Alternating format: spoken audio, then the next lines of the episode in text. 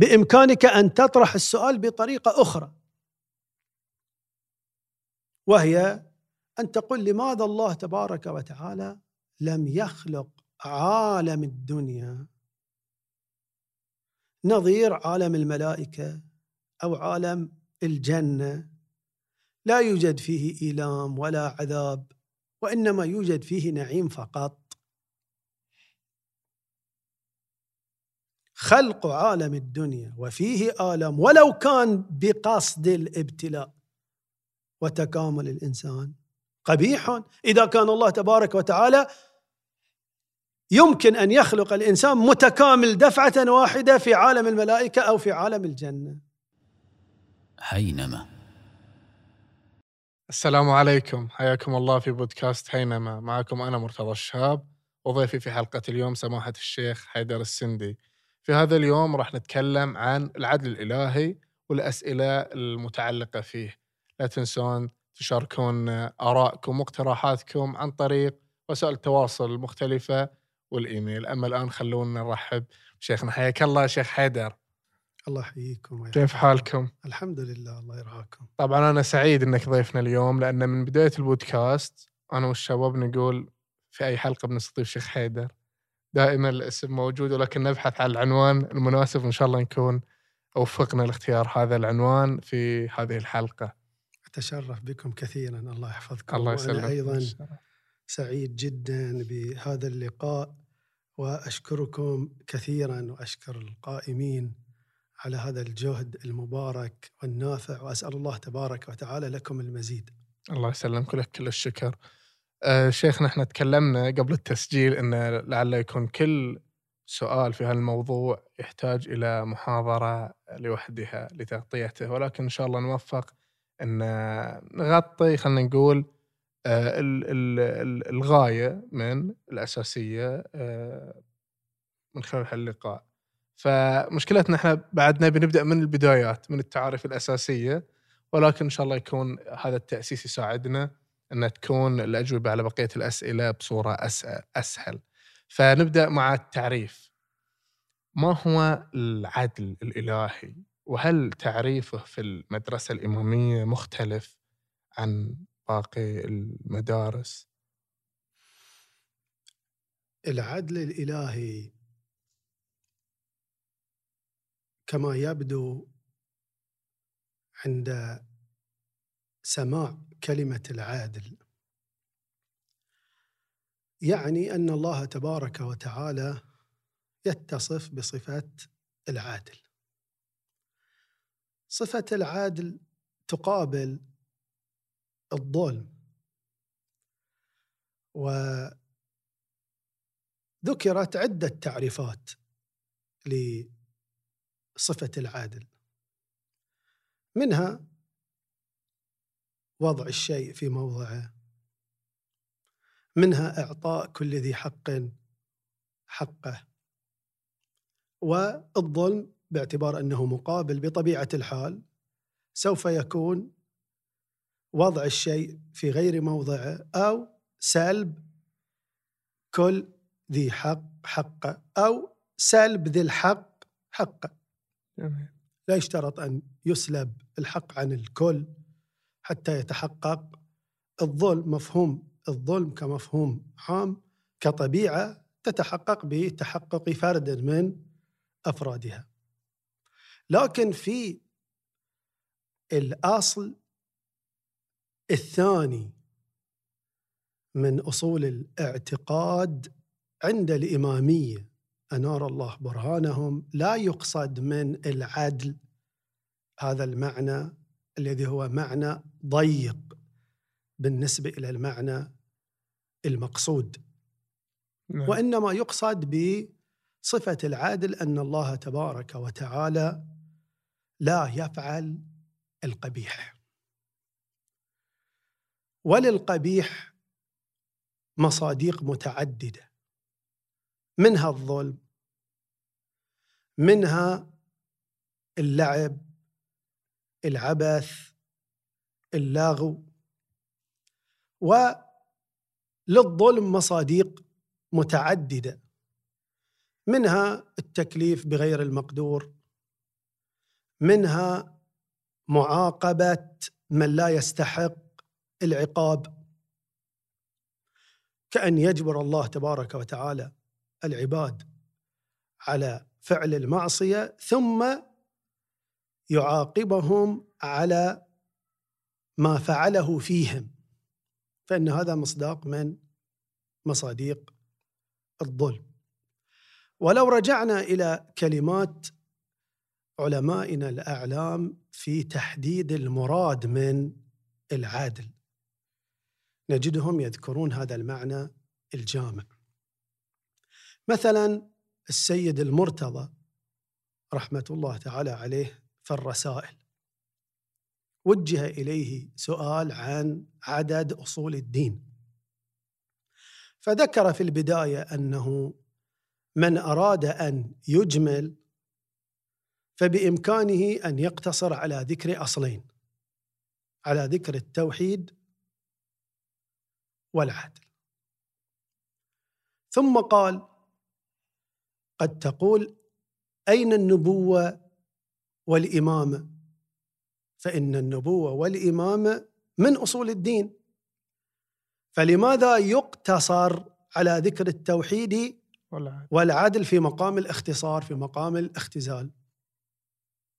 فأجاب رحمة الله تعالى عليه بأن النبوة والإمامة ترجعان إلى باب العدل فإن عدل الله تبارك وتعالى يقتضي ثبوت النبوة يقتضي ثبوت الإمام. الإمام عجيب أنا توقعت أنهم سوف يدرجهم إلى التوحيد وليس العادل النبوة والإمامة. هو أرجعهما إلى, إلى العادل. العادل. نعم. وحسنا فعل رحمة الله تعالى عليه. هذه العبارة التي صدرت من سيد الطائفة السيد المرتضى تدل على أن العدل لا يقصد به أن الله تبارك وتعالى لا يفعل الظلم فقط. وذلك لأنه إذا رجعنا إلى أدلة النبوة أدلة الإمامة نجد أن العلماء يستندون إلى جريان المعجزة على يد مدعي المنصب الإلهي. وجريان المعجزة يدل على تأييد الله. والله تبارك وتعالى لا يؤيد إلا الصادق لأن تأييد الكاذب قبيح. جميل. ولكن هنا سؤال ألا يرجع هذا إلى الظلم مرة أخرى؟ بحيث أننا إذا قلنا أن الله لو أيد هذا الضال أو المدعي فهذا سوف يحدث تضليل مما سو يعني سوف يسلب الأنبياء اختصاصهم الذي هو المعجز. فسيضلل العبد ولن يهتدي. والاهتداء إلى الحق وسلوك هذا الطريق هو شرط لدخول الجنة أو للنجاح في في هذا الاختبار. فلذلك يرجع مرة أخرى إلى الظلم. يوجد رأي يرى رجوع كل قضايا القابح إلى قابح الظلم. أه. ومن ذلك قبح الكذب قبح تأييد الكاذب. ولكن نحن إذا رجعنا إلى وجداننا نجد أن تأييد الكاذب وإضلال الناس قبيح. سواء رجع إلى الظلم أو لم يرجع. بوجداننا نجد أن هذا الفعل قبيح. نعم.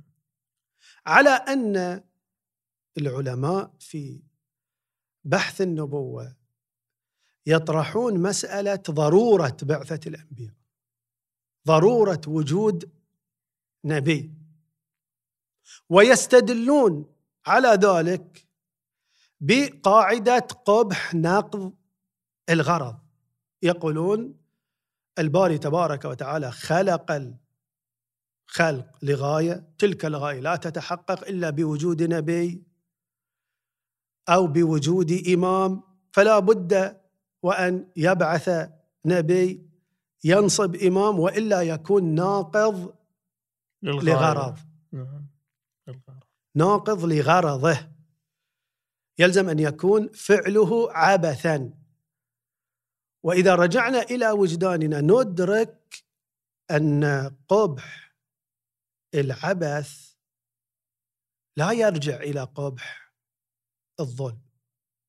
مثلا إذا قلنا الظلم هو التصرف في ملك الغير في حق الغير بلا إذنه. الباري تبارك وتعالى هل يمكن أن يتصرف في غير ملكه؟ لا لأن كل شيء ملكه.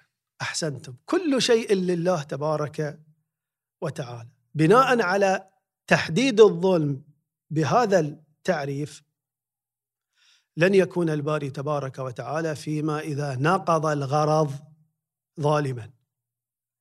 نعم. ولكن حيث أن عدم بعثة النبي عدم نصب الإمام يؤدي إلى نقض الغرض يحكم العقل بالقبح. فنقض الغرض في ذاته قبيح. جميل واضح فالنبوة والإمامة ترجع إلى العدل والعدل لا ينحصر بترك الظلم. بمعنى التصرف في ملك الغير بلا اذنه أو سلب الغير حقه. وهذا يعني أن مفهوم العدل الذي يذكره السيد المرتضى مفهوم أوسع من ما يقابل الظلم. الظلم. ثم رحمة الله تعالى عليه يذكر عبارة واضحة وصريحة. فيقول في تحديد العدل كل أفعاله حسنة. وكل صنيعه جيد. وكل تدبيره موافق للحكمة.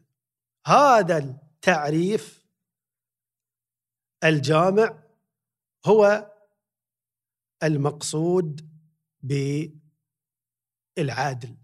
في مسألة الاعتقاد بعدل الله تبارك وتعالى. أبو الصلاح الحلبي رحمه الله في الكافي أيضا تعرض لتعريف العدل. فقال: ومعنى قولنا إنه عادل أنه تبارك وتعالى لا يخل بواجب. ولا يرتكب قبيح. هذا التعريف تجده في كتاب الاقتصاد للشيخ الطوسي رحمة الله تعالى عليه.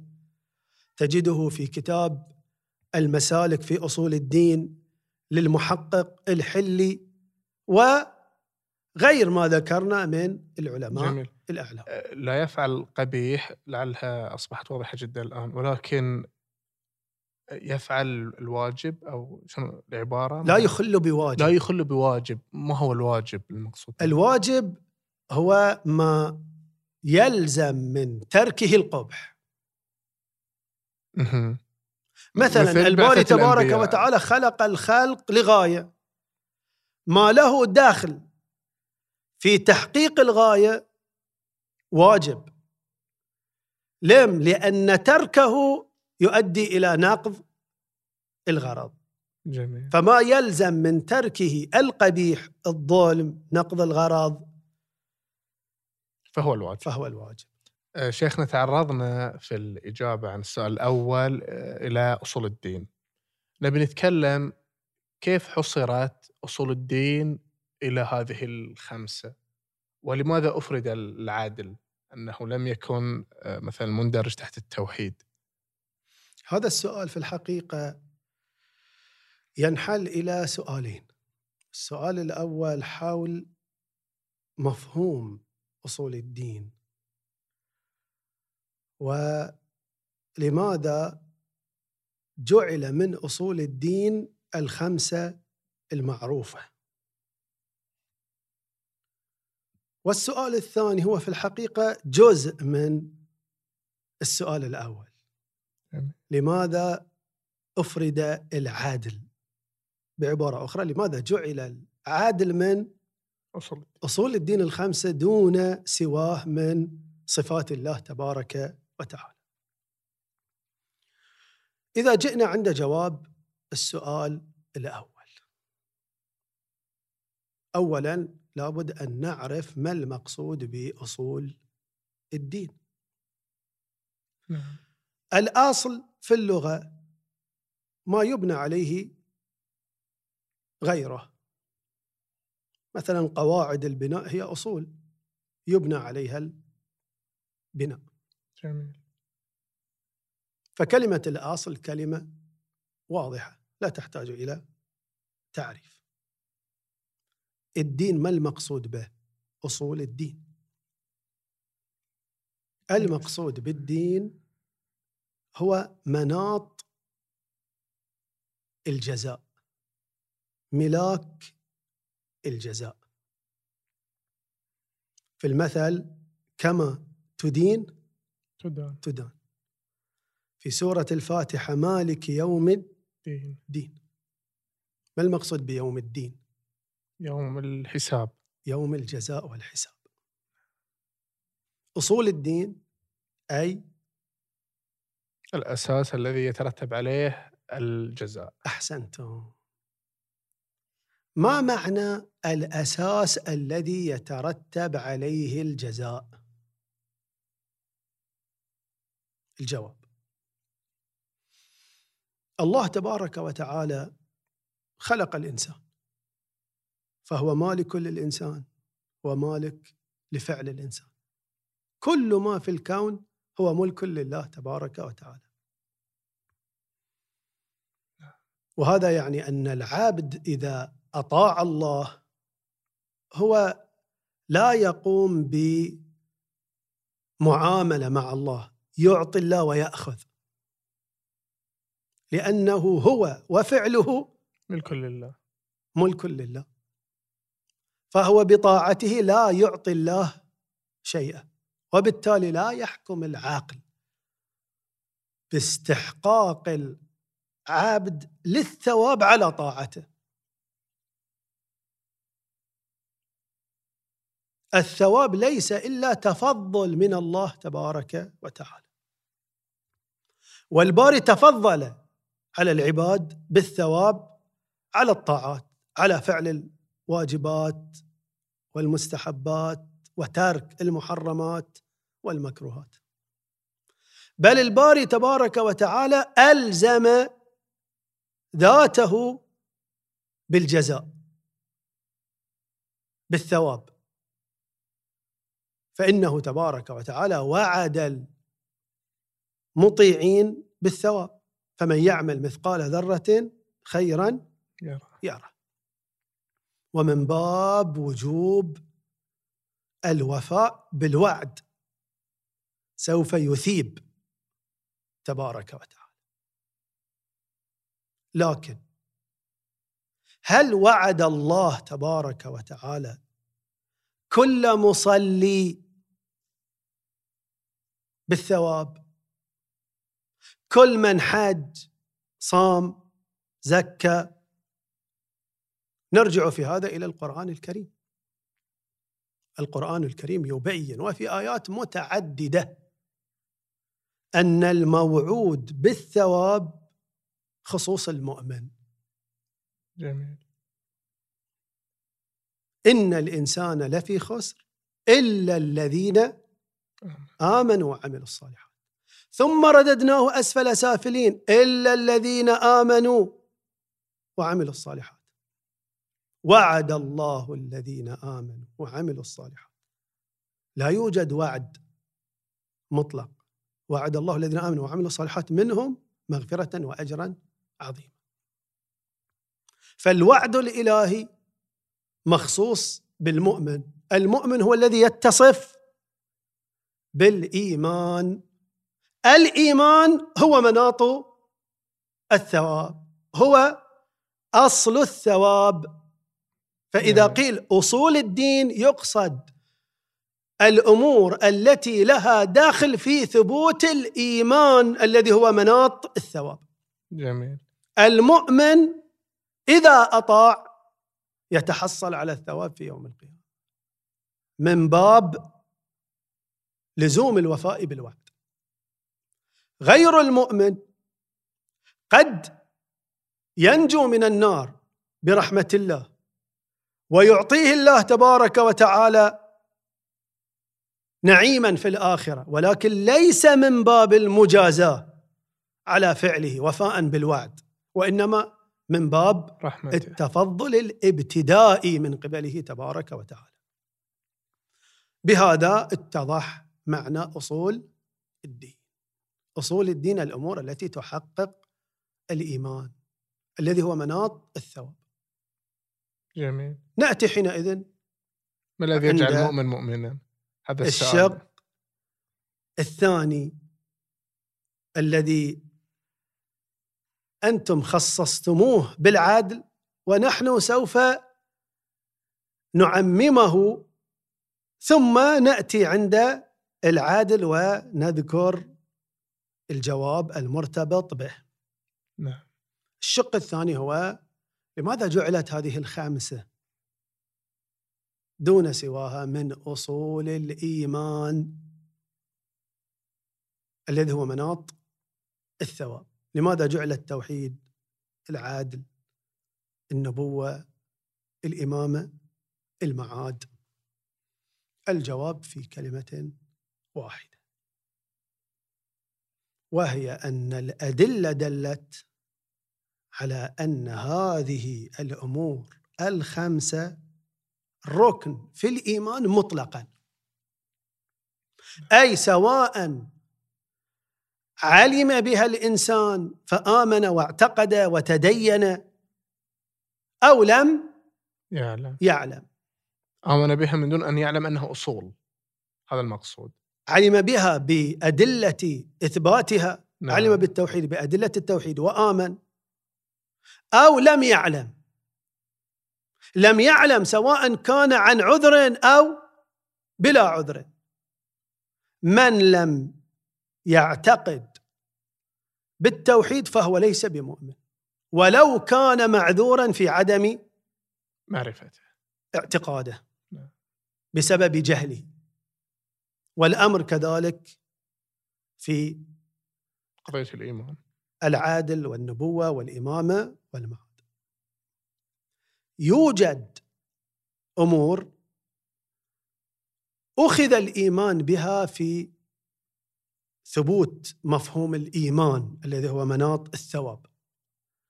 ولكن بشرط العلم. إذا علم الإنسان يجب عليه أن يؤمن، فإذا لم يؤمن لا يكون مؤمنا ولا يكون مستحقا للثواب في يوم القيامة. مثلا الأنبياء السابقين نبوة الأنبياء السابقين الكتب السابقة الملائكة العناوين التي ورد فيها لافظ الإيمان ولكن قامت الضرورة المذهبية على أن من لم يؤمن بها عن جهل لا ينتفي عنه عنوان الإيمان. أه، ب- ما هي الضرورة المذهبية إذا قلنا اللفظ الضرورة المذهبية هو أن تكون المسألة واضحة جدا عند المذهب بنحو لا يحتاج الباحث إلى مزيد كسب ونظر حتى يدرك أن هذه المسألة جزء من مسائل هذا المذهب. مثلا مسألة الرجع، لا يحتاج الإنسان أن يبذل جهد حتى يعلم أن في مذهبنا توجد عقيدة الرجع. نعم. مثلا التقيه، لا يحتاج الإنسان أن يتعب نفسه بالبحث والنظر حتى يدرك أن الشيعة يرون مسألة التقيه. المسألة الضرورية مسألة واضحة الانتساب إلى المذهب. كل من كتب حول المذهب في كتب الملل والنحل يذكر هذه المسألة. نعم. العلماء الذين ينتمون إلى هذا المذهب بأجمعهم يصرحون بثبوت هذه المسألة عامة الناس أيضا إذا سئلوا يذكرون أن من مسائل مذهبهم هذه المسألة. كل من عنده ثقافة محدودة بسيطة يدرك أن هذه المسألة تنتسب إلى المذهب. إذا كانت المسألة بهذه المثابة تعتبر مسألة ضرورية واضحة. نعم. الضرورة الدينية في مذهبنا قائمة على أن من جهل بنبوة نبي الله داود على نبينا وآله وعليه أفضل الصلاة والسلام مثلا أذكره على نحو المثال. فلم يعتقد بنبوته يبقى على إيمانه. فعندنا جملة من الأمور لها دخل في الإيمان بعد العلم بها. ولكن هناك أمور لها داخل في الإيمان مطلقا. علم بها الإنسان أو لم؟ يعلم. يعلم. من ذلك مسألة العادل مسألة الامامه مثلا إمامة أمير المؤمنين. من أصول الإيمان عندنا حتى المعذور في عدم الاعتقاد بإمامته يكون مسلم ولكن لا يثبت له عنوان الإيمان. الأدلة دلت على أن هذه الأمور الخمسة لها دخل في الإيمان مطلقا. لهذا اختصت باصطلاح أصول الدين حيث أننا نتحدث عن العدل الإلهي فنأتي عند العدل ونبين فيه الدليل الدال على أنه من أصول الإيمان. نعم. الذين تعرضوا للمية وسبب وعلة جعل العادل من أصول الدين. تقريبا ذكروا وجوها ثلاثة. الوجه الأول ذكره بعض أساتذتنا في لقاء حواري. سئل لماذا جعل العدل دون سائر الصفات الإلهية من أصول الدين؟ لماذا لم تجعل القدرة الإلهية؟ لماذا لم يجعل العلم الإلهي؟ جميل. هناك بحث هل العادل صفة ذاتية أم صفة فعلية؟ ولكن لا كلام في أن علم الله صفة ذاتية. قدرة الله صفة ذاتي ذاتية. فلماذا لم يجعل العلم وتجعل القدرة من أصول الدين. أصول الدين وجعل العادل الذي فيه خلاف هل هو صفة ذاتية أم صفة فعلي فعلية. فأجاب حفظه الله بأن المقصود بالعادل هو مسألة التحسين والتقبيح العقليين. حكم العقل بقبح الظلم حسن العادل. وهذه المسألة يعتمد عليها في إثبات النبوة في إثبات الإمامة في إثبات المعاد. قبح نقض الغرض وقبح تأييد الكاذب يستفاد منهما في مسألة النبوة. جميل. قبح ترك المسيء الظالم دون أخذ الحق منه للمظلوم يستدل به على إثبات المعاد. فإذا كانت مسألة التحسين والتقبيح العقليين يستدل بها على ثلاثة أصول من أصول الدين فمن الطبيعي أن تكون هي أيضا من أصول الدين. الدين. الآن يطرح سؤال. العلم كذلك يدخل في إثبات النبوة والإمامة على ما أعتقد آه، للتالي أن علم الله أن هذا الشخص حسن وسوف يعطيه النبوة ويؤيده بالمعجز ولن ينكص فيما بعد. فعلم الله ضروري أيضا لإثبات أن آه، لإثبات النبوة والإمامة. هل السؤال واضح؟ كلامكم صحيح. هذا الرأي في تصوير سبب كون العادل من أصول الدين يبتلي بعدة مناقشات.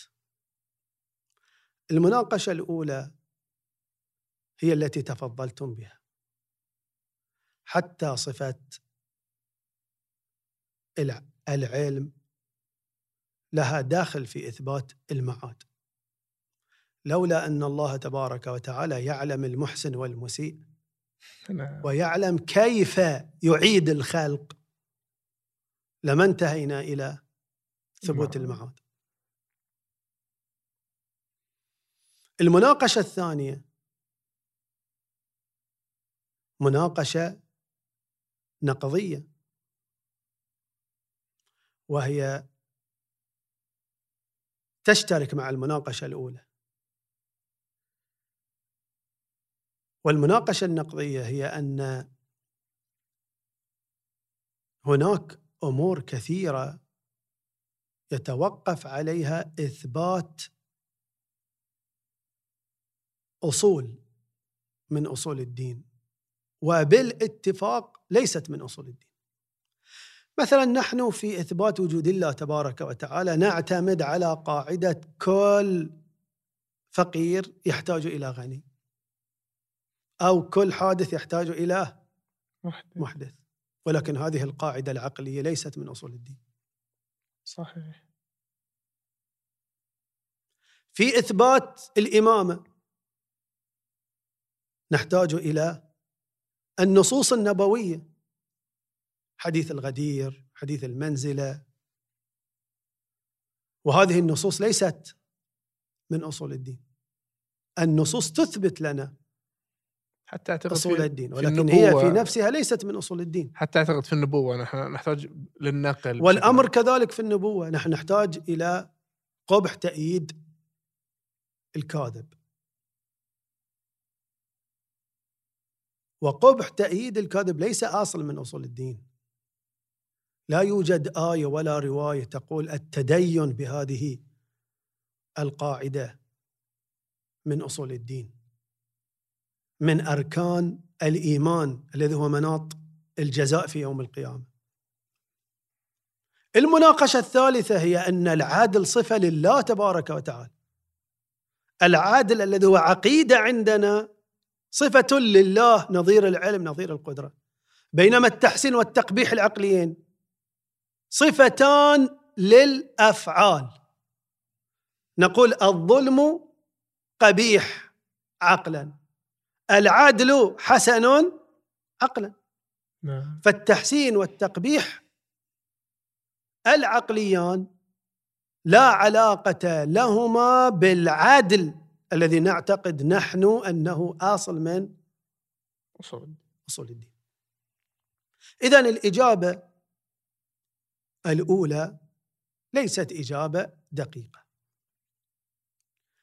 الإجابة الثانية هي أن يقال المقصود بالعادل صفة لله تبارك وتعالى وهي أن الله تبارك وتعالى لا يفعل القبيح. وسبب جعل هذه الصفة من أصول الدين توقف إثبات النبوة والإمامة والمعاد عليها. فإنه لولا أن الله لا يفعل القبيح وأفعاله حسنة لما كان يوجد دليل على صدق النبي. وقبل ذلك لا يوجد دليل على لزوم بعثة الأنبياء والأمر كذلك بالنسبة إلى النبوة. نحن نقول مقتضى العادل الحكمة الإلهية أن يبعث الله تبارك وتعالى من في القبور. إذا لم يتصف الله تبارك وتعالى بالعادل بمعنى أنه لا يفعل القبيح كيف يمكن أن نستند إلى عادله وإلى حكمته؟ هو لا يتصف بالعادل لا يتصف بالحكمة. نعم. هذه الإجابة أفضل من الإجابة السابقة لأنها تتحدث عن العدل الذي هو عقيدة الذي هو صفة لله تبارك وتعالى. ولكن يأتي عليها ما يأتي على الإجابة السابقة. نعم. من جهة أنه ليس كل ما يستدل به لإثبات أصل من أصول الدين هو أصل. هو أصل. الأصل ما كان ركنا للإيمان. ولا يعلم كون الشيء ركنا للإيمان. يعني نحن لا نعلم أن الله أخذ شيء في الإيمان جعل شيء مقوم للإيمان إلا إذا أخبرنا الله تبارك وتعالى. ولا يعلم بهذا الطريق. وهو كون ذلك الشيء صحيح. مما يستدل به في إثبات أصل من أصول الدين. لا يوجد آية رواية تقول إذا كان الشيء إذا كان الشيء يستدل به على التوحيد أو على النبوة أو على الإمامة أو على المعاد فهو أصل. آصل. مثل هذا الكلام لا يوجد عليه دليل في الكتاب ولا يوجد عليه دليل في السنة ولا يوجد عليه دليل عقلي. عقلي ولا دليل إجماعي. لا يوجد إجماع عند العلماء على مثل هذا المضمون وهذا المعنى. نعم. فأيضا الإجابة الثانية ليست إجابة دقيقة. الوجه الثالث لكون العادل أصل من أصول الدين هو النصوص الشرعية. التي نفت عنوان الإيمان أو أثبتت عنوان الكفر أو جعلت من لا يعتقد بعدل الله على حد المشرك هذه الأدلة هي التي يستدل بها لإثبات أن العدل أصل من أصول أصل الدين. من أصول الإيمان مثلا الشيخ الصدوق رحمة الله تعالى عليه في كتابه التوحيد. نقل عدة روايات بهذا المضمون. منها مثلا رواية عوف بن عبد الله الأزدي عن عمه أنه قال سألت الإمام الصادق صلوات الله وسلامه عليه عن الاستطاعة. ثم بين للإمام أن جماعة تعتقد بالجابر أن الإنسان غير مختار.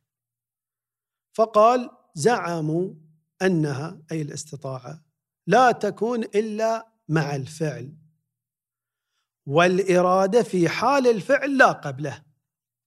فقال الإمام صلوات الله وسلامه عليه القوم أشركوا. قبل أن أبين مضمون هذه الرواية أذكر أمر وهو أن المسلمين في زمن الإمام الصادق صلوات الله وسلامه عليه انقسموا في قدرة واستطاعة العبد على فعل الطاعات والمعاصي إلى ثلاثة أقسام. الناس انقسموا في زمن الإمام الصادق إلى ثلاثة أقسام. القسم الأول المفوضة الذين قالوا بأن القدرة والاستطاعة قبل الفعل. الباري تبارك وتعالى خلق الإنسان أعطاه القدرة والاستطاعة ثم بقي الإنسان غنيا عن الله تبارك وتعالى بقدرته في الفعل. واستطاعته. نعم. فالقدرة والاستطاعة سابقة على الفعل. هؤلاء طبعا يستدلون بأدلة كثيرة بعضها عقلية بعضها نقلية. مثلا من الأدلة النقلية قوله تعالى ولله على الناس حج البيت من استطاع إليه سبيلا. يقولون الإنسان أولا يستطيع ثم بعد ذلك يجب عليه الحج ويذهب للحج. هذا يدل على أن الاستطاعة. سابقة. نعم. هم لماذا يستدلون بالآية ويريدون أن يثبتون أن القدرة والاستطاعة سابقة على الفعل؟ حتى يقولون إذا ارتكب العبد القبيح الظلم الكذب فهو لا يستند إلى الله تبارك وتعالى في فعله وإنما يستند إلى قدره هو فيها غني عن الله تبارك وتعالى. الروايات الكثيرة بينت اشتباه هؤلاء. العبد يحتاج إلى الله تبارك وتعالى في حدوثه، يحتاج إلى الله تبارك وتعالى في بقائه والاستطاعة المقصودة في الحج ليست الاستطاعة التي يقدر بها الإنسان على فعل أفعاله اليومية وإنما هي استطاعة شرعية الزاد والراحلة وأن يكون العبد مخلى السرب هذه تكون سابقة على وجوب الحج وبالتالي سابقة على فعل الحج, الحج. القسم الثاني هم القائلون بالجابر. هؤلاء قالوا العبد ليست عنده قدرة قبل الفعل. بمعنى أن الله تبارك وتعالى يحدث القدرة والفعل في العبد في آن واحد. واحد. فالاستطاعة شيء يحدثه الله مع الفعل. والعبد ليس إلا ظارف للاستطاعة وظرف للفعل. للعمل. القسم الثالث الإمامية أنار الله برهانه. هؤلاء قالوا لا جبر ولا تفويض بل أمر بين أمرين. أمرين. قالوا العبد يحتاج إلى الله تبارك وتعالى في أصل وجود قدرته واستطاعته. وفي كل آن يفيض الله تبارك وتعالى عليه القدرة والاستطاعة. فإذا جاء آن الفعل فهو يملك قدرة في هذا الآن أفاضها الله تبارك وتعالى وبها يفعل. فتكون القدرة معاصرة للفعل ولكنها متقدمة رتبة. نظير إذا قلت حركت يدي فتحرك المفتاح. حركة اليد وحركة المفتاح تقع في, آن واحد. واحد. بينهما تعاصر زماني ولكن يوجد بينهما تقدم وتأخر. رتبي فإن اليد علة والعلة متقدمة. جميل. الأمر كذلك بالنسبة إلى استطاعة العبد وقدرة العبد. السائل عم عوف بن عبد الله الأزدي قال زعموا أنها أي الاستطاعة لا تكون إلا مع الفعل أي تحدث مع الفعل في آن واحد من دون أن يكون تقدم وتأخر في الرتبة نعم. والإرادة في حال الفعل لا قبله فقال الإمام أشرك القوم حكم عليهم بحكم عقدي جعلهم في حد المشرك المشرك وهذا يعني أن مسألة القول بعدل الله وأن الله تبارك وتعالى لا يفعل القبيح والذي من صغرياته أن الله تبارك وتعالى لا يجبر العباد على فعل الطاعة وفعل المعصية من الأمور العقدية التي لها داخل في تحقق الإيمان. رواية أخرى أيضا ينقلها الشيخ الصدوق عن حريز بن عبد الله عن الإمام الصادق صلوات الله وسلامه عليه.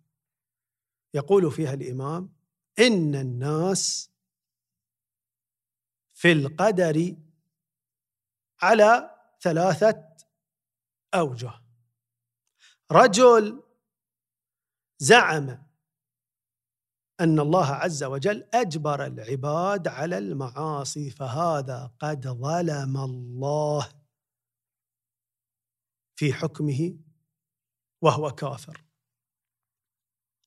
ورجل زعم أن الأمر مفوض اليهم فهذا قد أوهن الله في سلطانه فهو كافر. ورجل زعم أن الله تبارك وتعالى لا يكلف إلا بالمقدور. لا يكلف العباد ما لا يطيقون وكلفهم ما يطيقون.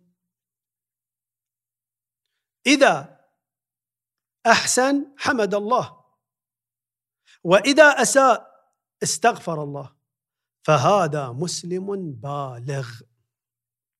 دلالة هذه الرواية دلالة واضحة. من لم يؤمن بالعدل وينسب إلى الله تبارك وتعالى الجابر تعبر عنه الرواية بكافر، طبعا ليس المقصود هنا الكفر مقابل الإسلام، فإنه أيضا مما قام عليه الدليل وهو ثابت عند محققي الإمامية أن من قال بالجابر لا يكون كافرا ما دام يتشهد شهد. الشهادتين. هنا المقصود بالكفر الكفر مقابل الإيمان. نعم. وروايات كثيرة بهذا المضمون. يستفاد منها أن مسألة العدل الإلهي مسألة عقدية وتشكل أصل من أصول الإسلام. هذا الوجه هو الوجه الصحيح. في لميه وسبب جعل العدل أصلا من أصول الدين. هذا الجواب الأخير آه، جيد لأنه بيسوي لنا حسن تخلص للسؤال الذي يليه وهو خلق الإنسان. هل من العدل أن يخلق الإنسان بغير إرادته أن يخوض هذا الاختبار اختبار الحياة من دون أن يكون مختارا أو أن يكون مريدا لذلك نعم. إذا كان الله تبارك وتعالى هو مالك حقيقي لكل ما يفعل. فلله تبارك وتعالى وهو المالك الحقيقي أن يفعل ما يشاء وليس في ذلك ظلم. نحن إذا أردنا أن نقرب هذه الفكرة نمثل بمثال من يبني بيتا. من يبني بيتا. لا يقال ارتكب الظلم لأنه لم يأخذ أذن من البيت. لم يأخذ موافقة من البيت. هذا مثال تقريبي. الذي يبني البيت ليس مالك حقيقي للبيت ولم يوجد أجزاء البيت من العدم. هو مجرد علة معدة. لها تأثير جمع الأجزاء وجعل هذه الهيئة الاتصالية الخاصة التي تسمى بيت. بيت.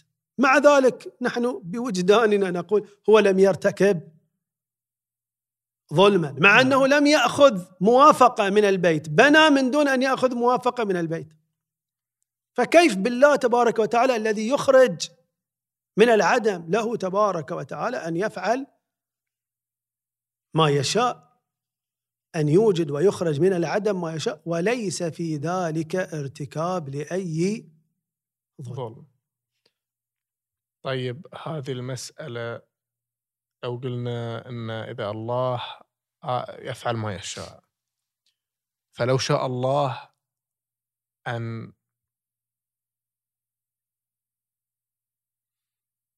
يدخل المطيع إلى النار فهو يفعل ما يشاء. وهو مالك له.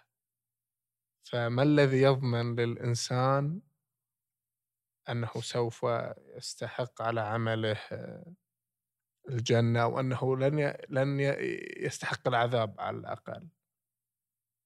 ليس المقصود من قولي لله تبارك وتعالى أن يفعل ما يشاء الإطلاق إلى حد أن لله تبارك وتعالى أن يفعل القبيح. ولكن إذا كان يملك المقصود لله أن يفعل ما يشاء أي أن يحدث. كما أنه لي أنا أن أحدث في ذهني ما أشاء من المفاهيم. أحدث مثلا صورة جبل من ذهب بحر من زئبق. ولا أكون بهذا مرتكب للقبيح مرتكبا للظلم فإني لم أتصرف في ملك غيري. نعم. الأمر كذلك بالنسبة إلى الله تبارك وتعالى له أن يحدث في ملكه ما يشاء وليس في ذلك ظلم. هذا هو الذي قصدته من أن الله أن يفعل أي لله أن يوجد. نعم. العدل الإلهي يعني أن الله تبارك وتعالى لا يفعل القبيح. وما ذكرتم من القبيح أن يعذب الأنبياء. لماذا من القبيح هذا من القبيح؟ لأن يملكهم؟ لأن لأن القبح لا ينحصر بعنوان الظلم. لو قلنا أن الظلم يعني التصرف في ملك الغير بلا اذنه صحيح. تعذيب ال- الأنبياء في نار جهنم لن ينطبق عليه مفهوم الظلم بهذا المعنى الذي نحن حددنا وعرفنا به الظلم لكن هذا لا يعني أن انتفاء عنوان الظلم بهذا المعنى يلازم انتفاع عنوان القبح. القبح. واضح. فإن مجازات من لا يستحق بالإساءة قبيح. سواء انطبق عليه عنوان الظلم كما إذا فسرنا الظلم بتفسير أوسع. مثلا الفلاسفة يقولون الظلم وضع الشيء في غير موضعه وضع العذاب في مورد عدم الاستحقاق ظلم فتعذيب من لا يستحق. قبيح سواء كان ظلم إذا عرفنا الظلم بهذا المعنى الأوسع أو لم ينطبق عليه عنوان الظلم كما لو عرفنا الظلم بأنه التصرف في ملك الغير فإن هذا ليس تصرف في ملك الغير نعم. ولكن مع ذلك هو قبيح بعنوانه نعم هذا وضح من من سؤالنا الأول ولكن الآن أنا لو جيت بنيت حيط ملكي وهديته هل هذا يعني أنا تصرفت في ملكي في النهاية هذا لا يدخل في الظلم لأنه ليس ملك غيري ولكن أنا بنيت هذا وهديته مثل إني خلقت الإنسان وعذبته. لا يختلف. هد الجدار ليس فيه إيلام للجدار. بخلاف تعذيب ذي الشعور فيه إيلام إنزال مضرة. نعم هد الجدار لو كان عبثا سوف يكون قبيح من باب قبح العبث لكن ليس قبيح من باب الظلم.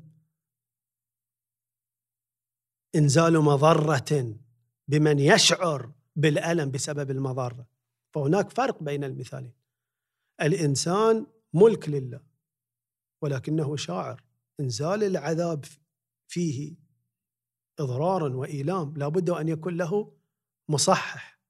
جميل. إذا كان المصحح فقط إنزال الألم والإضرار. هذا قبيح لا يراه العقل مبرر. نعم لو كان السبب المجازاة على الفعل ارتكب ما يترتب عليه استحقاقه للتعذيب للإهانة حينئذ لا يحكم العقل بالقبح أما في الجدار لا يوجد شعور. هدمه ليس فيه إضرار وإيلام.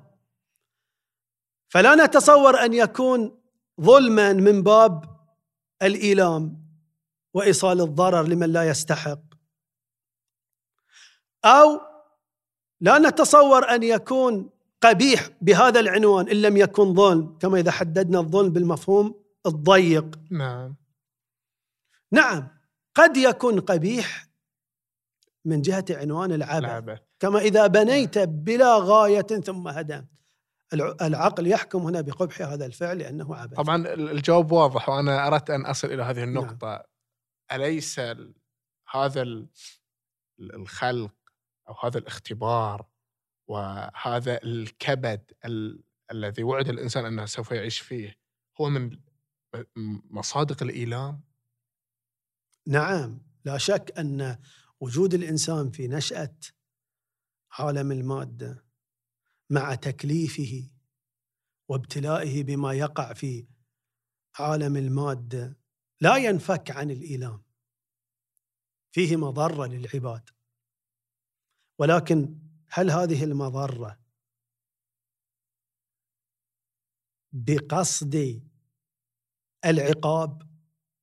والمجازاة على ما لم يفعلوا من القبيح لا ولكن ليس لهذا لا. ينطبق عنوان قبح تعذيب من لا يستحق. لأنه ليس الهدف التعذيب. الهدف هو أن يتكامل الإنسان ويصل إلى مقام السعادة. نعم بإمكانك أن تطرح السؤال بطريقة أخرى. وهي أن تقول لماذا الله تبارك وتعالى لم يخلق عالم الدنيا؟ نظير عالم الملائكة أو عالم الجنة. لا يوجد فيه إيلام ولا عذاب وإنما يوجد فيه نعيم فقط. خلق عالم الدنيا وفيه آلام ولو كان بقصد الابتلاء. وتكامل الإنسان. قبيح. إذا كان الله تبارك وتعالى يمكن أن يخلق الإنسان متكامل دفعة واحدة في عالم الملائكة أو في عالم الجنة. هذه صياغة صحيحة. وتحتاج إلى جواب. ولكن قبل أن نذهب إلى هذه الصيغة حتى وجود الغاية لا يرفع وجود العذاب. نعم هو خلق ليتكامل. لديه الفرصة للتكامل ولديه الفرصة أن يخلد في النعيم. ولكن هذا لا يرفع وجود العذاب المستمر في الحياة أو العذاب الأبدي في الآخرة. فالألم على الإنسان موجود بعد الخلق. إحنا تكلمنا عن مسألة الشعور فهذا هذا مسألة الشعور نعم. أجبت على هذا الجانب من السؤال. قلت أن وجود الألم إذا لم يكن بعنوان العقاب صحيح ولكن وإنما كان بغرض التكامل. نعم وأنا قلت لا أن يكون قبيحا. حتى وجود الغرض نظير نظير مثلا أن آه، يطلب شخص من مدرب أن يدربه حتى يتفوق في مسابقة فيبدأ المدرب معه ويعطيه بعض التدريبات الشاقة فإنه سوف يتألم حال ولكن هنا التدريب. الابتداء الابتداء. ولكن هل نعم هل يقول شخص أن إنزال المدرب الألم في هذا الشخص قبيح. لا يقول لأنه باختياره. نعكس السيناريو. لو الاختيار لا يفرق. لو أن شخص قال لله تبارك وتعالى عذبني في نار جهنم أبد الآبدين. وهو لا يستحق التعذيب أبد الآبدين. هل بمجرد طلبه ورضاه يكون التعذيب حسن؟ لا لا دخل الحال. للرضا وعدمه. نعم. الرضا وعدمه له داخل فيما إذا كان المؤلم غير مالك. أنا مثلا بالنسبة إليك لست مالكا لك فليس لي أن أنزل الألم من دون أن ترضى. أما في علاقة المالك الحقيقي بالمملوك للمالك الحقيقي أن يؤلم. نعم ليس له أن يؤلم بعنوان العقاب من لا يستحق. ولا بعنوان أما عبث. أن يؤلم لمصلحة وغاية وهي إيصال ملكه إلى الكمال فهذا ليس قبيح. ولا يشترط فيه إذن المملوك وإلا لكان هو المالك. والله تبارك وتعالى هذا المملوك. بيفرعنا حق سؤال لا بأس بأن نجيب لهذا أنا غيرت السؤال. نعم. قلت السؤال الذي هو جدير بأن يطرح أن يقال لنفرض أنه لله تبارك وتعالى أن ينزل الألم في مقام اختبار العابد من أجل تكميله لكن جواز إنزال الألم فيما إذا لم يكن طريق لتكميل العبد للصعود بالعابد إلى أعلى مراتب الكمال واللذة والسعادة الأبدية في يوم القيامة إلا هذا الطريق. طريق الإله. أما إذا كان بإمكان الله أن يحدث العبد مباشرة. كامل وفي عالم لا ألم فيه. حينئذ سوف يكون جعل العبد في عالم تكاملي مع آلام قبيح لأنه لا مبرر لهذه الآلام. نعم. ما دام يمكن أن يصل الإنسان إلى الغاية بلا آلام. هذا سؤال كما قلت لكم سؤال صحيح وجدير بأن نقف عنده ونذكر إجابة علمية دقيقة عليه. تفضل. وهذا السؤال يمكن أن يصاغ بصياغة أخرى. وهي لماذا الباري تبارك وتعالى يخلق الناس في عالم المادة الذي هو عالم تزاحم المقتضيات وعالم الاختيار الذي قد يجر اختيار الإنسان فيه إلى ارتكاب الذنوب وبالتالي إلى الوقوع في العذاب لا أبد الأبدي فلا يصل إلى تكامل سعادته وكماله وإنما يصل إلى شقائه. لماذا يخلق الله تبارك وتعالى الإنسان في هذا العالم وفي هذه النشأة؟ وجواب السؤال بصيغتيه يتضح فيما إذا ذكرنا أمور ثلاثة. الأمر الأول هو أن الباري تبارك وتعالى لم يخلق فقط عالم المادة لم يخلق فقط الجسيم الذي انفجر بناء على نظرية ال Big Bang وتحول بعد 13.7 مليار سنة إلى هذه الهيئة وما فيها من الأجرام السماوية والأنواع الحية. لم يخلق الباري تبارك وتعالى فقط هذا المخلوق المتطور. بل خلق عالم الملائكة خلق عالم الجنه بناء على خلق الجنه ووجودها. ولكن خلق ذلك العالم لا يعني خلق هذا العالم. هذه عوالم مختلفة. ليس خلق عالم الملائكة خلق لعالم الدنيا. لأن عالم الدنيا عالم آخر يختلف عن عالم الملائكة. البعض يتصور أن عالم الدنيا يمكن أن يوجد وليس دنيا. يوجد عالم ملائكة يوجد عالم جنة. وهذا التصور غير صحيح.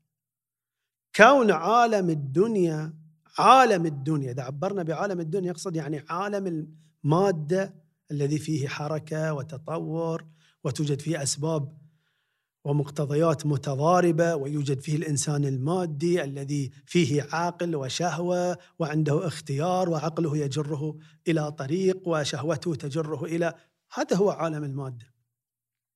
كون عالم المادة بهذه الكيفيه أمر ذاتي بالنسبة إليه. كما أن رقم اثنين كونه رقم اثنين أمر ذاتي بالنسبة له. ورقم ثلاثة كونه كذلك أمر ذاتي بالنسبة له. ولا يمكن أن يقال لماذا لم يخلق الاثنين ثلاثة ولم تخلق الثلاثة اثنين. هذا الكلام خطأ. نعم. كذلك مادية عالم المادة. كون عالم المادة عالم التطور عالم المقتضيات المتضاربة. كون الإنسان مركب من جنبة ملكوتية وترابية فإذا سويته ونفخت فيه من روحي كون الإنسان فيه عاقل فيه شهوة هذا أمر مقوم لحقيقة عالم المادة وحقيقة الإنسان الموجود في عالم المادة. فلا يمكن أن يقال لماذا لم يخلق عالم المادة؟ عالم الملائكة. لماذا لم يخلق العالم الذي لا ينفك عن حركة وبالتالي ينفك عن زلازل وبراكين؟ عالم الجنه هذا الكلام غير صحيح. الصحيح أن يقال لماذا خلق الله عالم الملائكة؟ عالم الجنه ولم يكتفي أضاف أيضا خلق عالم الدنيا. الدنيا. وهنا يجيب الفلاسفة بأن الله تبارك وتعالى جواد كريم تفضل على عالم المادة بالوجود. إيجاده إحسان. إعطاء الوجود. لو أن شخص أهداك مئة ريال. تقول له أنا ممنون أشكرك على هذه العطية. فكيف من أعطاك الوجود والتحقق؟ أعطاك ذاتك هويتك. ولكن اسمح لي ألا يكون متفضل. لعله إذا اتضحت الأمور الثلاثة إذا ذكرتها إيه. يندفع كثير من لا أنا بس بعلق على هذه. سالفة العطاء يعني نعم. من يعطيني 100 ريال هذا أعطاني خير ولكن من يعطيني 100 طعنة يعني إحنا ساعات نمثل الوجود من جهتي أمثلة بالألم الآن من الجانب المؤلم وليس من الجانب حتى من التمتع. يعطيك مئة طعنة إذا كان يعطيك مئة طعنة حتى يخرج السم من بدنك ولكن قد يكون وإن كان إيلام ولكن هذا الإيلام ينتهي بمصلحة. إذا انتهى بمصلحة. والمفروض كذلك أن أن ابتلاءك في عالم الدنيا يصعد بك إلى السعادة الأبدية. وسوف نوضح هذا فيما إذا ذكرنا الأمور. الثلاثة. إذا الأمر الأول خلاصته هو أن الله تبارك وتعالى إذا أوجد عالم المادة فهو متفضل بهذا الإيجاد. وإيجاد عالم المادة لا يمكن أن يكون إيجاد لعالم الملائكة لأن هذا إيجاد لعالم آخر. ونحن نتحدث عن سبب إيجاد عالم المادة.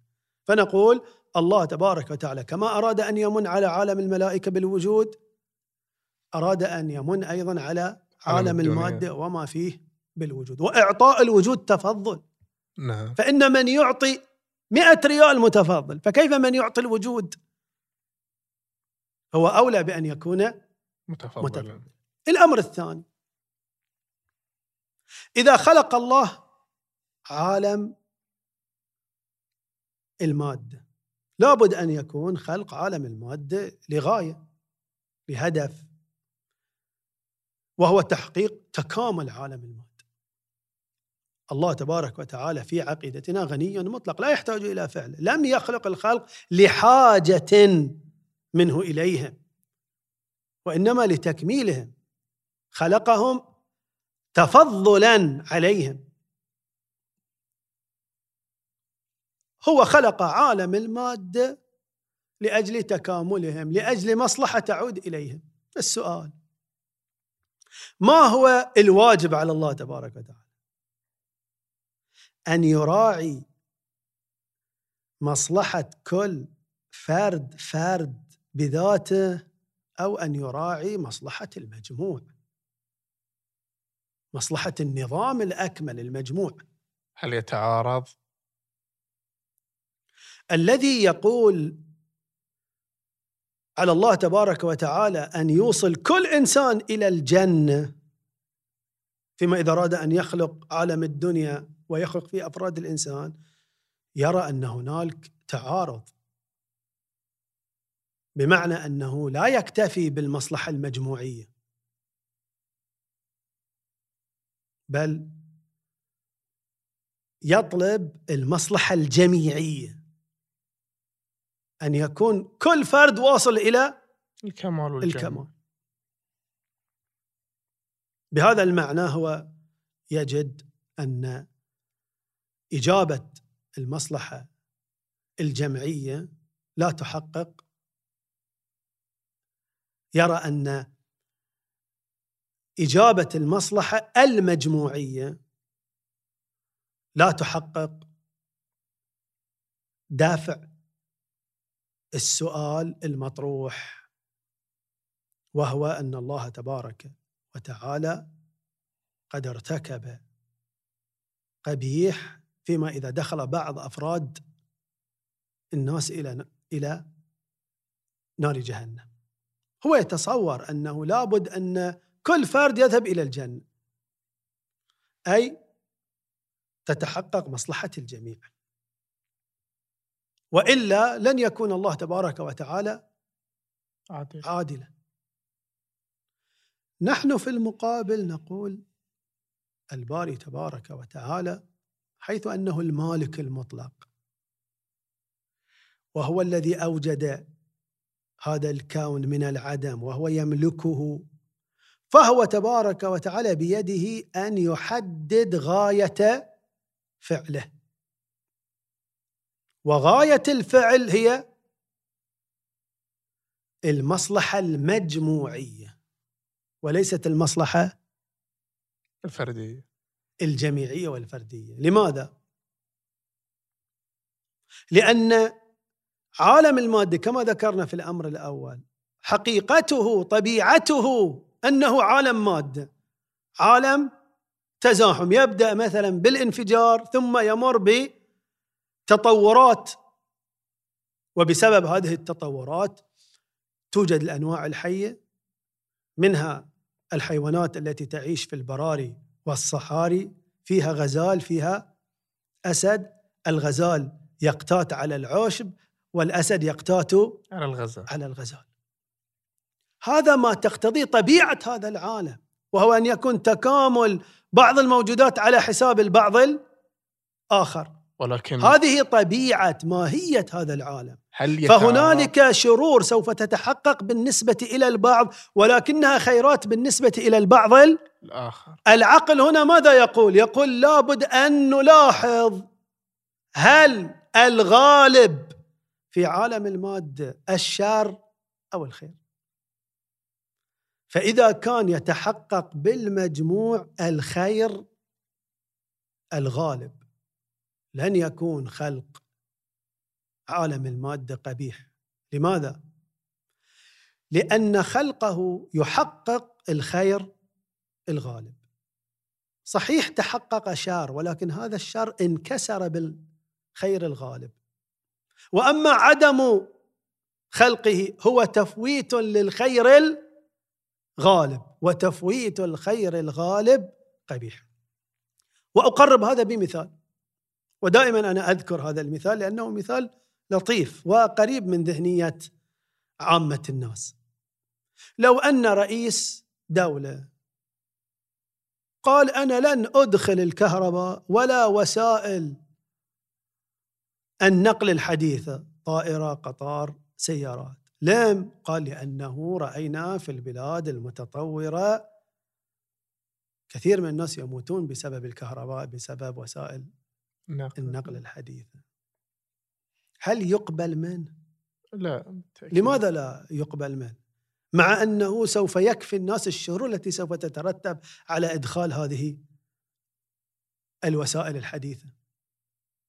سبب عدم القبول هو أن الناس يقولون صحيح سوف يترتب شر ولكن الخير الذي سوف يترتب غالب. رفاهية المجتمع على نحو العموم المجموعي الأمر كذلك بالنسبة إلى مجموع عالم المادة. الملحوظ ليس هو مصلحة كل فرد فرد وإنما مصلحة المجموع الغالبة فإذا كان خير عالم المادة غالب لن يكون خلق عالم المادة قبيح وإن ترتب على ذلك تضرر البعض بلا اختياره أو تضرر البعض باختياره. الأمر الثالث الباري تبارك وتعالى يعلم بأنه إن خلق عالم المادة وابتلى الإنسان سوف يصل بعض الناس إلى أعلى المراتب وسوف ينحرف بعض الناس ويذهبون إلى نار جهنم. جهنم ولكن الذين انحرفوا وذهبوا إلى نار جهنم هم باختيارهم انحرفوا ليس الله تبارك وتعالى على نحو الجابر حرفهم بل هو مكنهم من الطاعة مكنهم من المعصية. ثم هم باختيارهم اختاروا أن يلقوا بأنفسهم في نار جهنم. مثل هؤلاء الذين يملكون خيار أن يذهبوا إلى الجنة ويحصلون على الخير العظيم. لا ينبغي أن يلتفت إلى إيقاعهم لأنفسهم في نار جهنم ثم يجعل ذلك مانع من خلق الخلق. الله خلقهم للرحمة وأعطاهم القدرة كما أعطى غيرهم لكن هم باختيارهم ذهبوا إلى نار جهنم. ليس الله مسؤول عن وقوعهم في نار جهنم بل الباري تبارك وتعالى من عليهم بالوجود والقدرة وبين لهم طريق الحق. ولكن هم باختيارهم. فالقول بأنه على الله أن يغلق باب عالم الدنيا لأن بعض الناس سيذهبون باختيارهم إلى نار جهنم نظير القول على الدول أن تغلق المدارس والجامعات لأنه يعلم أن بعض الناس باختيارهم لن ينجحوا سوف يهملون لن يذاكروا ثم يرسبوا. فلماذا نوجد المعاهد العلمية التي يترتب عليها أن يرسب ويفشل بعض الناس. مثل هذا الكلام ليس كلاما عقلائيا ولا يقبله العقل. هذه الأمور نعم. الثلاثة بمجموعها إذا التفتنا إليها بدقة. ندرك أن خلق الله تبارك وتعالى لعالم المادة مع وجود بعض الآلام ومع انحراف بعض الناس ليس قبيحا. طيب السؤال الآن قد نكون إحنا ذهبنا إلى خلينا نقول إلى الجهات القصوى. إما أن يكون عالم الدنيا ملائكيا أو أن يكون في هذا الشكل من الشرور و آه الخير. ويغلب الخير فهو أفضل. ولكن أليس باستطاعة الله عز وجل أن يخلق بشر فيهم النقص ويتكاملوا ولكن في الأخير كلهم يذهبون إلى الجنة؟ حتى لو في عالم الدنيا صار في صراعات صار ولكن الخاتمة تكون إلى الجنة يعني خيرهم يغلب على شرهم. أنا سأعيد إليك السؤال ولكن بصياغة أخرى. تفضل. لماذا الله تبارك وتعالى يخلق العدد ثلاثة فرد والعدد أربعة زوج؟ لماذا لا يعكس فيخلق الأربعة فرد والثلاثة زوج؟ لن يتغير شيء. نسأل من جديد لماذا خلق الأربعة زوج وال... كيف لن يتغير شيء؟ الجواب هو أن الأربعة لا يمكن أن تكون فرد فرد يعني لا ينقسم إلى متساويين. نعم. والأربعة تنقسم إلى متساويين. أن تتصف الأربعة بالفردية يعني اجتماع النقيضين. تنقسم إلى متساويين لأنها أربعة لا تنقسم إلى متساويين لأنها فرد. الزوجية أمر لازم إما أن يخلق الله الأربعة أو لا يخلق أما أن يخلق الأربعة بلا زوجية هذا ليس أمر ممكن. عدم الإمكان لا يعني أن قدرة الله محدودة. الله قادر على كل شيء. لكن وجود الأربعة فرد ليس شيء ليس إلا عبارات. تقول هل يخلق الله تبارك وتعالى الأربعة فرد؟ في الحقيقة أنت لم تقل هل يخلق الله الأربعة. بمجرد أدخلت الفردية أخرجت الأربعة من السؤال. لم تسأل عن الأربعة. وهذا الكلام يأتي في كل أمر مستحيل. مثلا هل يستطيع الله أن يخلق مخلوق قديم ليس بمخلوق؟ مجرد أن قلت ليس بمخلوق أخرجت المخلوق عن السؤال بينما المفروض أنك تسأل عن المخلوق. هل يستطيع الله تبارك وتعالى أن يوجد له شريك؟ بمجرد أن أدخلت نعم. شريك يعني أخرجت يوجد. أوضحت الصورة. فالسؤال عن غير ممكن هو سؤال خطأ. من الناحية اللغوية يبدو سؤال ولكنه نعم. من الناحية المعنوية ليس سؤال. طيب انطباقا على مثال. عالم المادة حقيقته أنه عالم التكامل والخروج من القوة إلى الفعل. أن تكون شجرة التفاح بذرة ثم تتطور وتحتاج إلى عوامل كثيرة مليون مليون بليون بليون عامل حتى تتحول إلى شجرة. وهذه العوامل تتأثر بعوامل أخرى ترتبط بتحول النطفة نطفة الإنسان إلى إنسان. تحتاج بذرة الشجرة إلى سلم حتى تتحول إلى شجرة. نطفة الإنسان تحتاج إلى سلم. جزء من علل مقتضيات هذا السلم أن تأكل الأم النبته فتحول بين البذرة وبين تكامله هذا طبيعة عالم المادة طبيعة الإنسان المخلوق من تراب أنه يكون مركب من عقل ومن شهوة. هذا هذا أمر لازم لعالم الماده الذي يريد أن يقول خلق عالم الماده ينافي العادل لابد أن يثبت هو أنه يمكن أن يخلق عالم الماده بغير هذه الكيفية. أما إذا كان يستحيل فلا يوجد أي قبح في خلق عالم المادة ولا منافاة مع عدل الله تبارك وتعالى. لأنه سوف نقول ما ذكرناه قبل قليل. الباري تبارك وتعالى رأى أن هذه الطبيعة التي لا تنفك عن الشر خيرها غالب فترك إيجادها ترك للخير الغالب. إيجادها إيجاد للخير الغالب وإن ترتبت بعض الشرور. وهنا لا يقول العقل بالقبح. في هذه الحالة وفي نظائرها كما مثلنا بالنسبة إلى الكهرباء ووسائل النقل نعم. الحديثة. في الحقيقة خطر علي أسئلة كثير بس آه، لعلي أفرد بعدين فيها حلقة هذه ما أبي اتوسع أكثر في المسألة. أه بقول قصة قصيرة. أه عندي قطة دلعها مثلا فيها أحسن من عيالي. وأنا في الطريق في قطة ثانية توها مولوده تعبر الشارع فدهستها. الآن القطاط تشعر. ولكن على حد علمي في في الروايات إن الحيوانات لا تعاقب ولا تجزى. فأليس من الظلم أن يدهس هذا القط ويدلل القط الآخر مع أن كلاهما يشعران ولا يوجد آخرة لكي توازن الأمور؟ طبعا بالنسبة إلى حشر الحيوانات يوجد وإذا الوحوش حشرت. وهناك روايات تدل على أن الله تبارك وتعالى يقتص بين الحيوانات. ويقتص للحيوان من الإنسان الظالم موجود. روايات تبين هذا المعنى. ولكن سواء وجدت هذه النصوص أو لم توجد.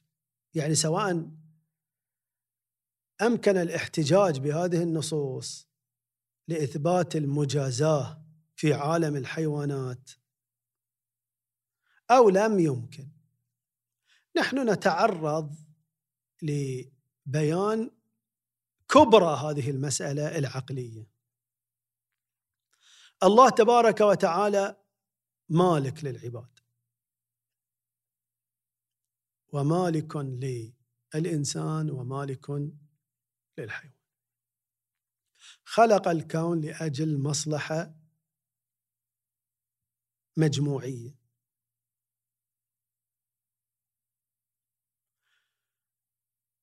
ولله تبارك وتعالى بمقتضى مالكيته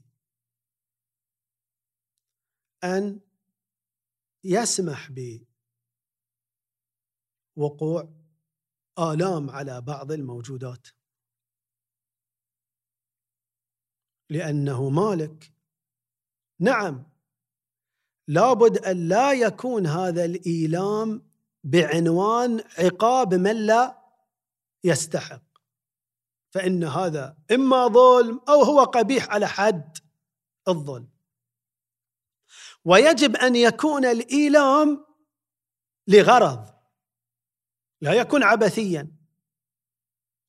وهذا الغرض هو الغرض المجموعي. افرض أن هذه القطة دهست ولكن وجودها له ارتباط بتحقيق المصلحة المجموعية لخلق عالم المادة. فإن وجود نوع القطط تترتب عليه مصالح في هذه النشأة. ولو مصالح بالنسبة إلى مجتمع البشر. فرض مثلا يحافظ وجود القطط على التوازن البيئي. نعم. وجود نوع القطط وإن كان يؤدي إلى تألم بعض أفراده فيه مصلحة. تعود إلى المصلحة الكونية المجموعية التي لأجلها خلق الله تبارك وتعالى عالم الماده، هذا المقدار كافي عقلا لتخريج الحسن. وإن كان يترتب بعض الآلام بالبيان الذي ذكرناه سابقا. مع ذلك جملة من علماء الكلام ذكروا شيئا هنا وهو مسألة الأعواض في علم الكلام وفي بحث العدل الإلهي عقد علماء الكلام باب بعنوان الأعواض. قالوا الباري تبارك وتعالى يعوض المخلوقات التي نزلت عليها آلام. كل شاعر يتألم بغير وجه استحقاق. يعوضه الله تبارك وتعالى في يوم القيامة. جميل. بنظرية التعويض والأعواض أرادوا أن يخرجوا حسن فعل الله تبارك وتعالى في الموارد التي ترتبط بالقصة التي تفضلتم بها. جميل. سوف أتكي على الجواب الثاني وأن أشكل على الأول لأن قد يطول فينا الحديث والجواب الثاني فيه الكفاية عن هذه المسألة. طيب نرجع إلى البشر مرة أخرى. من يخلق بعيب خلقي؟ وهو لم يذنب لكي يستحق هذا العذاب وهو في تألم مستمر. أليس ذلك ظلما؟ اتضح جواب هذا السؤال مما تقدم. أنا حسيت أنه اتضح بس حبيت أسأل الباري تبارك وتعالى خلق عالم المادة بخاصيته الذاتية التي عبرنا عنها بأنها خاصية التزاحم بين المقتضيات الأسباب والمسببات. التزاحم قد يؤدي إلى تشوه بعض المخلوقات. هذا التشوه ليس عقابا. وليس فعلا مباشرا لله تبارك وتعالى. وإنما هو بواسطة خلق عالم المادة وما فيه من أسباب ومسببات ترجع إلى 13.7 مليار سنة. هناك كتلة واحدة مترابطة فيها أسباب مقتضيات متداخلة. متسلسلة. وتؤدي إلى حدوث تشوهات في بعض الأحيان.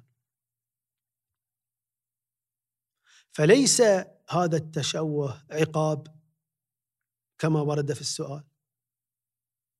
كما أنه لازم لعالم المادة ولا بد أن يكون. وهو وإن كان شر لكنه مكسور في قبحه بالخير العام الغالب. نعم.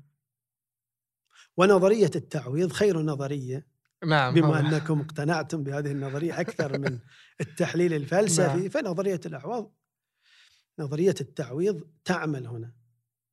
جميل.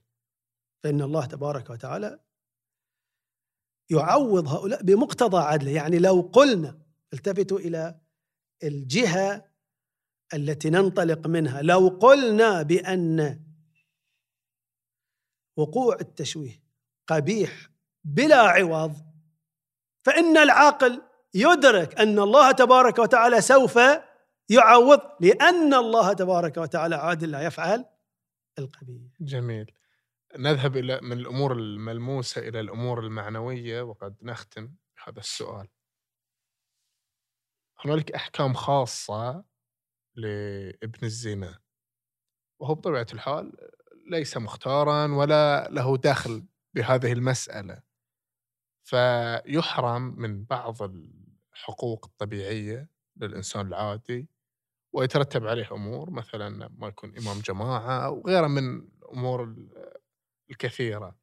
فهل أيضا جواب هذه المسألة نرجع إلى الاعواض أو هنالك جواب آخر. ابن الزنا كغيره بلحاظ ثواب أعماله. فإنه يثاب على طاعته ويعاقب على معصيته. وإذا أطاع وأحسن يساق إلى الجنة. وإذا عصى وأساء يساق إلى النار. إلى النار. نعم توجد بعض الروايات التي تقول الجنة طهر طاهرة لا يدخلها إلا طاهر فلا يدخلها ابن زنا أو أن ابن زنا يحشر في حظائر وظلال الجنة لا يحشر في الجنة. ولكن جملة من المحققين يقولون أولا هذه الروايات أخبار آحاد مع ضعف سند بعضها وهذه المسألة لا يحتج فيها بخبر الآحاد. الواحد. وأيضا هي تعارض القرآن على نحو العموم والخصوص من وجه فمن يعمل مثقال ذرة خيرا يرى يشمل ابن الزنا وغيره. والذين آمنوا وعملوا الصالحات سندخلهم جنات تجري من تحتها الأنهار. عامة يشمل ابن الزنا وغيره. ونسبة هذه الآيات إلى تلك الروايات نسبة العموم والخصوص من وجه ولا نريد أن نخوض في هذا المصطلح وندخل نعم. في هذا البحث خصوصا ونحن في آخر اللقاء نعم. ولكن الفقهاء علماء الأصول يقولون لا يحتج بالرواية التي تعارض الكتاب على نحو العموم والخصوص من وجه على كل حال سواء تمت معارضة هذه الروايات للقرآن أو لم تتم هي في نفسها أخبار آحاد ظنية لا يحتج بها في هذه المسألة المعرفية التي لا يكتفى فيها بالظن فمن حيث المستقبل الأخروي لا فرق بين ابن الزنا وبين غيره نعم. ومن حيث حقوق المواطنة في الدولة الإسلامية هو أيضا كغيره يجوز له أن ينكح ينكح وينكح وإذا قتل يقتل قاتله ليست مواطنته من الدرجة الثاني فهو كغيره تصح معاملاته لا يجوز الاعتداء عليه. ينبغي أن يحترم مشمول بالروايات الدالة على آه، أن للمسلم وللمؤمن حقوق. حتى حقوق الإرث. نعم. حتى حقوق الإرث. هو آه، يعني آه، كغيره. حقوق نعم. الإرث بمعنى أنه لو تزوج ابنه الشرعي يرث من وهو يرث من نعم هناك أحكام فقهية. هذه المسألة التي ينبغي أن نركز عليها. هناك أحكام فقهية خصص فيها ابن الزنا. مثلا هو لا يرث من الزاني. هو لا يكون فقيها مفتيا وفتوى حجة. قد يكون فقيه ولكن مفتي فتوى حجة لا يكون. لا يكون قاضيا بناء على اشتراط طهارة المولد. نعم. هذه الأحكام لا تنقص من حقوقه ومن مواطنته.